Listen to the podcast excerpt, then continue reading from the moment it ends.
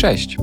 Jeśli tutaj trafiłeś, to znaczy, że podjąłeś bardzo ważną decyzję, a mianowicie chcesz wprowadzić zmiany w swoim dotychczasowym stylu życia. Zmiany, które pomogą Ci cieszyć się zdrowiem przez długie lata. W moich nagraniach postaram się przybliżyć Ci i wyjaśnić zagadnienia związane z treningiem w siłowni oraz właściwym odżywianiem, tak aby łatwiej było Ci się odnaleźć w nie tak skomplikowanym świecie zdrowego trybu życia – Nazywam się Bartosz Terka, jestem trenerem personalnym i doradcą żywieniowym, chociaż sam siebie określam bardziej jako specjalista do spraw zdrowego stylu życia. A to jest mój podcast o treningu i żywieniu inaczej. Zaczynamy!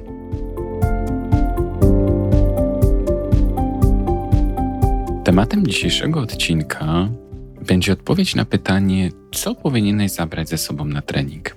Wiem, temat wydaje się banalny. Przecież każdy wie, co powinien zabrać ze sobą na trening. To żadna filozofia, prawda? Otóż okazuje się, że tylko pozornie. Posłużę się przykładem. Na pewno nieraz widziałeś taką sytuację. Do sali treningowej wchodzi facet, którego sylwetka wskazuje na wysoki poziom zaawansowania. Niesie ze sobą torbę, a w twojej głowie rodzą się powoli pytania: co on w niej ma? Może wie coś, czego ja nie wiem? W końcu wygląda na osobę, która zna się na rzeczy. Żeby jeszcze bardziej pokazać kontrast, dodam, że dla porównania ty przyniosłeś ze sobą na trening małą butelkę wody, bo przeczytałeś gdzieś, że nawodnienie jest niezwykle ważne w czasie samego treningu. I na tym koniec. Ale spokojnie, pocieszę cię. Skoro zauważasz takie rzeczy i zaczynasz mieć wątpliwości, to znaczy, że jesteś na dobrej drodze do sukcesu, bo zaczynasz analizować.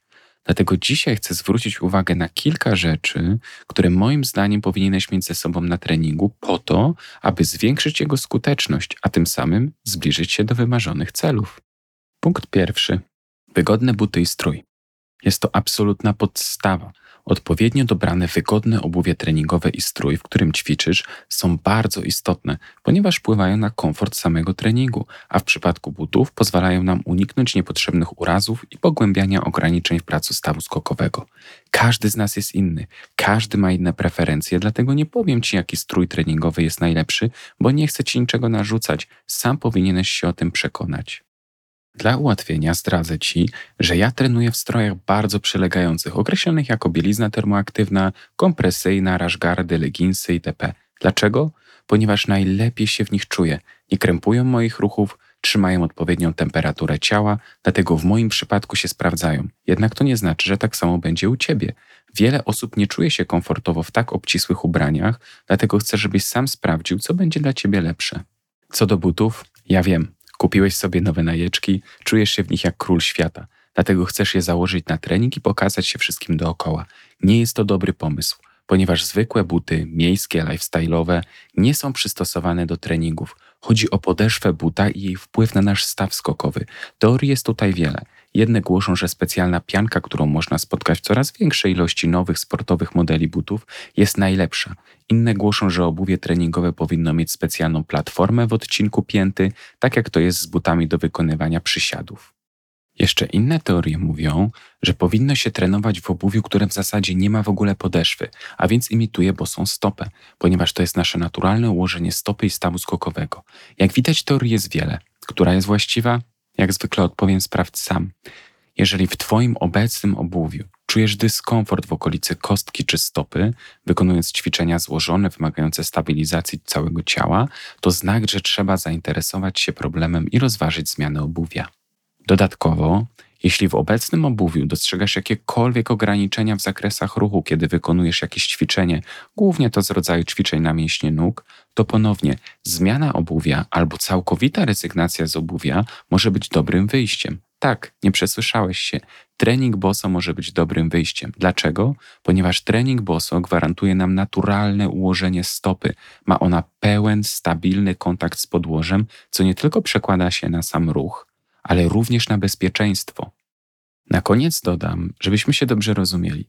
Nie mówię, że masz przychodzić na trening w drogich markowych ubraniach. Sam uważam, że cena niektórych z nich jest nieadekwatna do jakości, którą prezentują.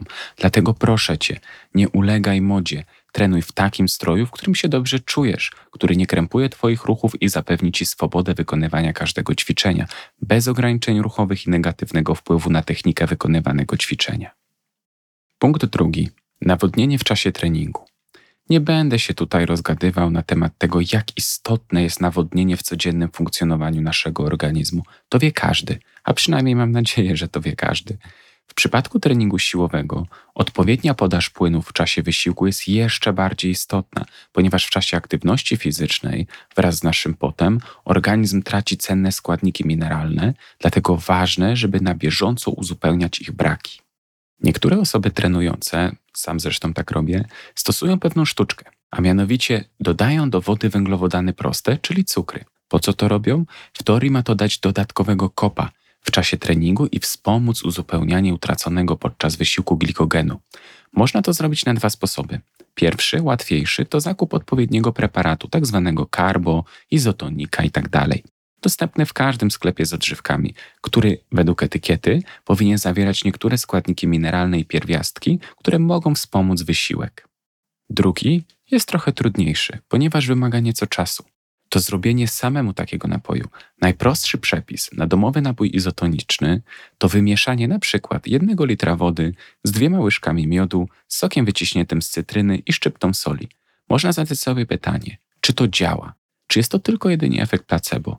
Tego nie wiem, sam się przekonaj. Jednak jeśli ten efekt placebo pozwoli ci osiągnąć chociaż minimalny progres siłowy, to jest to warte rozważenia. Punkt trzeci notatnik. Z przykrością muszę powiedzieć, że zauważyłem, iż bardzo mało osób przychodzi na trening z zeszytem czy notatnikiem, gdzie ma rozpisany swój plan treningowy. Przyznam, że jest to dla mnie niezrozumiałe. Mała rzecz, a daje takie możliwości. Mając na treningu notes, nie tylko wiesz, jak będzie wyglądał Twój dzisiejszy trening, ponieważ masz tam całą swoją rozpiskę, ale również wiesz, co po kolei robić. Nie tracisz czasu na zastanawianie się. Co równie ważne, jesteś w stanie zapisywać w nim swoje wyniki, a to jest kluczowe przy progresji treningowej. Mając zapisane, jaki na przykład ciężar wycisnąłeś leżąc na danym treningu, ile serii powtórzeń zrobiłeś, to masz punkt odniesienia przed kolejnym treningiem i wiesz tym samym, który parametr zwiększyć w kolejnym treningu, aby zachować progresję, a tym samym intensywność treningu. Wiesz wówczas, czy stajesz się lepszy, dlatego nie bój się, że będziesz wyglądał dziwnie podchodząc do notatnika i zapisując w nim coś po każdej serii wykonanego ćwiczenia. Rób to, a zauważysz, że efekty pojawiają się szybciej, a ty masz pełną kontrolę nad swoimi wynikami i treningiem. Punkt czwarty stoper. Doskonale zdaję sobie sprawę z tego, że to może być kwestia sporna, jednak umieszczam go w zestawieniu dla osób, które chcą stosować progresję w oparciu o długość przerw między seriami ćwiczeń. Bez stopera będzie to trudne. Oczywiście, co do długości odpoczynku pomiędzy seriami, są różne teorie, a często spotyka się takie, które mówią, żeby robić kolejną serię ćwiczenia w momencie, kiedy uznasz, że już jesteś gotowy, bez skrupulatnego odmierzania czasu. Nie oceniam i nie kwestionuję tego. Na pewno są osoby, które w ten sposób osiągają zamierzone efekty. Ja osobiście jestem zdania, że pilnowanie założonego czasu przerw między seriami może wspomóc naszą progresję i daje większą kontrolę nad treningiem. Uczy też lepszej organizacji treningu i znacznie skraca jego czas, ponieważ nie robimy nic na tak zwanego czuja. Punkt piąty ręcznik. Niby oczywiste, a coraz więcej osób o tym zapomina. Dbałość o higienę, szczególnie w takim miejscu jak siłownia, gdzie codziennie ze sprzętu korzystają dziesiątki osób, na domiar złego zazwyczaj mocno spocone, powinno być podstawą. Co ciekawe i niezwykle często spotykane, mimo że w regulaminach wielu klubów fitness jest wręcz wymóg zabierania ze sobą na trening własnego ręcznika, to niewiele osób stosuje się do tego. Dlatego apeluję, noś ze sobą ten ręcznik. Przecież korzystanie z jakiegokolwiek sprzętu po osobie, która zostawiła po sobie ślady potu, naprawdę nie należy do przyjemnych i może zabrać całą przyjemność z wykonywanego ćwiczenia. Dodam jeszcze jedną ważną rzecz. Ostatnie dwa lata nauczyły nas, że dbanie o higienę w siłowni i odpowiednie dezynfekowanie sprzętu powinno mieć priorytetowe znaczenie. Jeśli sami o to nie zadbamy, to znowu zamkną nam siłownie i kluby fitness, a tego przecież nikt z nas nie chce. Punkt szósty muzyka. Każdy z nas to wie. Przy muzyce ogólnie życie wydaje się łatwiejsze i przyjemniejsze. A jak to się ma do treningu? Przeczytałem kiedyś artykuł, w którym przytoczone zostały badania kliniczne potwierdzające pozytywny wpływ muzyki na efekty treningu siłowego. Zgodnie z wynikami owego badania, odpowiednio dobrana muzyka jest w stanie zwiększyć możliwości siłowe naszego organizmu nawet o kilkanaście procent. Co to oznacza dla bywalca siłowni? Zgodnie z tą tezą, jeśli jesteś w stanie wycisnąć na ławce poziomej leżąc powiedzmy 80 kg, to mając odpowiednio dobraną muzykę, będziesz w stanie wycisnąć na przykład 85 kg. Jak dla mnie brzmi wręcz idealnie. A jak to wygląda w rzeczywistości? Mogę odnieść się do swojego przykładu. Widzę po sobie, że kiedy w słuchawkach słyszę motywujący mnie utwór, to faktycznie czuję w sobie więcej siły i przekłada się to na wyniki danego ćwiczenia. Nie wiem, czy tak samo będzie w Twoim przypadku, ale na pewno warto spróbować. Wybierz kilka utworów, dzięki którym czujesz w sobie więcej energii, zabierz je ze sobą na trening i przekonaj się, jakie efekty osiągniesz, słuchając ich podczas wykonywania ćwiczeń. Muzyka, a przede wszystkim słuchawki, mają jeszcze jeden pozytywny skutek, chyba trochę mimowolny. Chodzi o to, że kiedy masz widoczne słuchawki na uszach, to mało kto cię zaczepia i przeszkadza w treningu. Słuchawki są wówczas takim umownym znakiem na zasadzie teraz trenuję, nie podchodź. Punkt siódmy. Akcesoria treningowe. Paski, taśmy, neoprenowe ściągacze, magnezja. Jeśli nadal zastanawiasz się, co zazwyczaj noszą w torbach zaawansowani bywalcy siłowni i klubów fitness, to właśnie jest odpowiedź. Po co to robią? Ponieważ po latach treningów doszli oni już do takich wyników siłowych, że ciężar, którym wykonują ćwiczenia, jest naprawdę spory.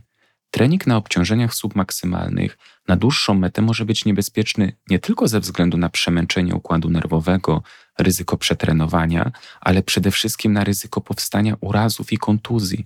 Wykonując ćwiczenie na bardzo dużych ciężarach, nawet najmniejsze odchylenie od prawidłowej techniki i wzorca ruchowego może zakończyć się długotrwałym urazem. Niewielką pomocą mogą być w tej sytuacji wymienione akcesoria – pasy, paski do martwego ciągu, taśmy na nadgarstki, neoprenowe ściągacze na kolanach, magnezja. Wszystkie one mają za zadanie ułatwić Ci wykonanie poprawnej techniki ćwiczenia, a także wspomóc Twoje ciało i stawy w treningu, w którym wykorzystujesz swój maksymalny ciężar. Oczywiście, jako osoba początkująca, nie skupiaj się na tym. Opanuj najpierw poprawną technikę podstawowych bojów i wzorce ruchowe wykorzystywane w tych bojach, stopniowo zwiększaj obciążenie w tych ćwiczeniach, stawaj się silniejszy, a kiedy dojdziesz do momentu, kiedy nie będziesz już w stanie więcej dołożyć ciężaru przy zachowaniu właściwej techniki, wtedy możesz zacząć rozważać stosowanie akcesoriów wspomagających. Podsumowując, jak sam widzisz, jest bardzo duża ilość rzeczy, które możesz, a nawet powinieneś zabrać ze sobą na trening. O części z nich na pewno wiedziałeś, o części może nie. Mam nadzieję, że ten odcinek mimo iż przedstawiony raczej w dość ogólny sposób, bo przecież o samych butach do treningu można by było nagrać osobny odcinek, to pozwoli Ci spojrzeć nieco inaczej na trening i to w jaki sposób te rzeczy mogą Ci pomóc osiągnąć lepsze wyniki sportowe, a także sprawić, że trening stanie się przyjemniejszy i będziesz czerpał z niego więcej satysfakcji. Nie oznacza to oczywiście, że na następną wizytę w siłowni powinieneś zabrać wszystkie wymienione przeze mnie przedmioty. Wybierz chociaż jeden i zobacz, jak zmieni się Twój trening dzięki niemu. Jeśli uznasz, że dało Ci to zadowalające wyniki, wtedy spróbuj z kolejnym i tak dalej. Z czasem sam wypracujesz sobie swoje własne nawyki treningowe. Na dziś to tyle. Dziękuję Ci za uwagę i czas, który mi poświęciłeś. Jeśli odcinek Ci się podobał, to zasubskrybuj kanał, żeby być na bieżąco z nowymi materiałami. Do następnego razu. Cześć!